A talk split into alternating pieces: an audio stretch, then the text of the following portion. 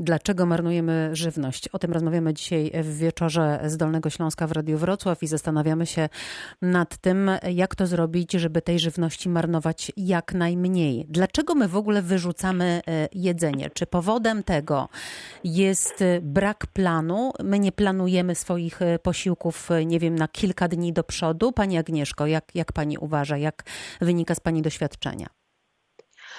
Myślę, że planowanie posiłków, czy właśnie brak tego planowania jest jednym z elementów, dlaczego to wyrzucanie jedzenia do kosza się pojawia u nas w domu, e, ale to jest jedna, myślę, że to jest jedna z wielu składowych. E, myślę, że to jest też.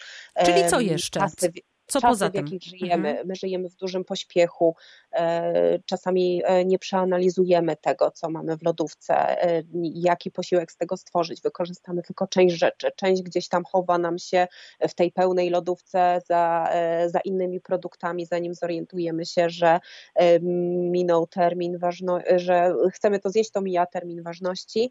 Mm, myślę, że jednym z takich elementów jest też takie chorobliwe przywiązywanie się do przepisów. My mało eksperymentujemy w kuchni. To się teraz troszeczkę -hmm. zmienia.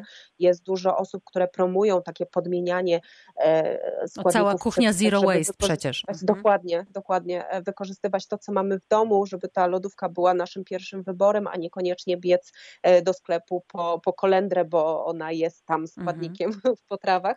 Mm, ale myślę, że tu u podstaw leży e, brak takiej edukacji, szacunku do jedzenia jedzenia. My nie korzystamy z tego jedzenia świadomie, nie uczymy się tego. I ja to widzę też po e, moich dzieciakach, które ze szkoły nie wynoszą takiej wiedzy. One nie wiedzą, e, skąd pojawia się jedzenie w sklepie. I e, jakby my mm, uczymy się, że jedzenie jest w sklepie dostępne, mhm. możemy je kupić, przywieźć do domu, ono jest w domu i potem albo ląduje na talerzu, albo ląduje w koszu. I nawet nie zastanawiamy się, co się dzieje dalej, jeżeli ono wyląduje w koszu, że to nie jest tak, że ono magicznie zniknie, jak przyjedzie śmieciarka i zabierze śmieci, tylko ono y, pojedzie na, albo na wysypiska śmieci i leży, emituje y, różne gazy, czy metan, jest czy dwutlenek niebezpieczne węgla, dla środowiska i dla nas wszystkich. Dokładnie. Pani Agnieszko, muszę zapytać o coś, o co pewnie często Panią e, pytają. Wspomniała Pani o dacie przydatności e, do spożycia. Zepsuje nam się coś e, w lodówce, my to wyrzucamy. No właśnie, czy Pani jak odbiera tę żywność, to są, to są rzeczy przydatne do spożycia i ludzie, którzy z jadłodzielni korzystają, bo każdy z nas może z jadłodzielni skorzystać, dostaje bezpieczną żywność? Tak, w większości przypadków jest to e, dobre jedzenie, bo ludzie chcą się dzielić e, nadwyżką, a niekoniecznie pozbywać się e, czegoś, co im tam w lodówce wyrosło. Na każdej jadłodzielni mamy regulamin, co można, a czego nie powinniśmy zostawiać. I na przykład w takiej jadłodzielni możemy zostawić produkty z przekroczoną datą minimalnej trwałości, czyli najlepiej spożyć przed. Nie zostawiamy, należy spożyć to, ale to, co jest z tą datą minimalnej trwałości, czy na przykład cukier, makarony, e, czekolada czy inne produkty, możemy śmiało e, się tutaj taką żywnością podzielić bądź poczęstować, czego na przykład nie mogą robić sklepy obecnie. Mhm. E, zgodnie z przepisami sanepidu sklepy nie mogą sprzedawać takiej żywności z przekroczonym datą. Bank Żywności odbiera żywność ze sklepów, te nadwyżki żywności ze sklepów i z hurtowni mm, z całego Dolnego Śląska, przynajmniej Bank Żywności reprezentowany przez naszego dzisiejszego gościa, czyli pana Błażeja e, Krasonia. E, panie Błażeju, e, co najczęściej odbieracie z tych sklepów i z tych hurtowni, czyli co trafia najczęściej do waszych magazynów? Jakie to są produkty?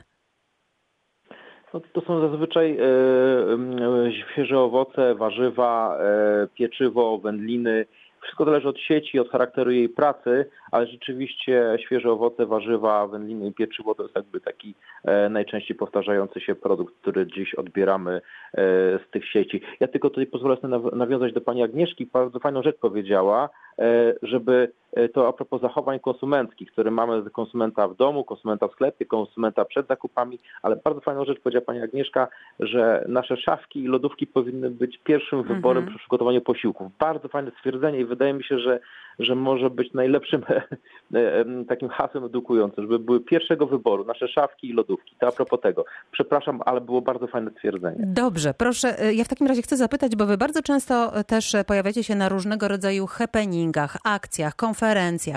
Mm, ich celem jest właśnie edukacja, by nie marnować e, żywności.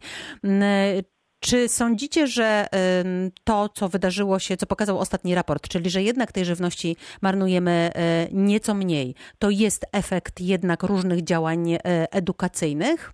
Pani Agnieszko? Myślę, że po części tak. Na pewno też. Czy przepisów, które weszły w życie? E, myślę, że to są, to są wszystko e, elementy, które, na, na którym my i środowisko korzysta, że tych e, produktów marnuje się coraz mniej. Na pewno ta ustawa o ograniczeniu marnowania żywności już sporo pomaga. Myślę, że ludzie zaczęli bardziej zwracać uwagę na tę żywność. Na pewno wiele osób wybiera lokalną, ekologiczną żywność, która jednak, nie ukrywajmy, ma swoją cenę, a nam jest szkoda wyrzucać mhm. coś, co, na co wydaliśmy troszkę więcej pieniędzy niż e, w dyskoncie. Mm, no i myślę, że temat już na tyle jest dla nas ważny i na tyle alarmujący, e, ta nadprodukcja żywności i marnowanie się żywności, że nie, na razie stopniowo zaczynamy przekonywać społeczeństwo, ale dojdziemy do czasów, kiedy będzie to obligatoryjne. Pani Bożeju, to jeszcze do Pana pytanie, czy to efekt właśnie takich różnych działań e, edukacyjnych, uświadamiających? E, po części tak, na pewno do szacowania, to jest raz, ale też i edukacji, bo już o tym od wielu lat mówimy.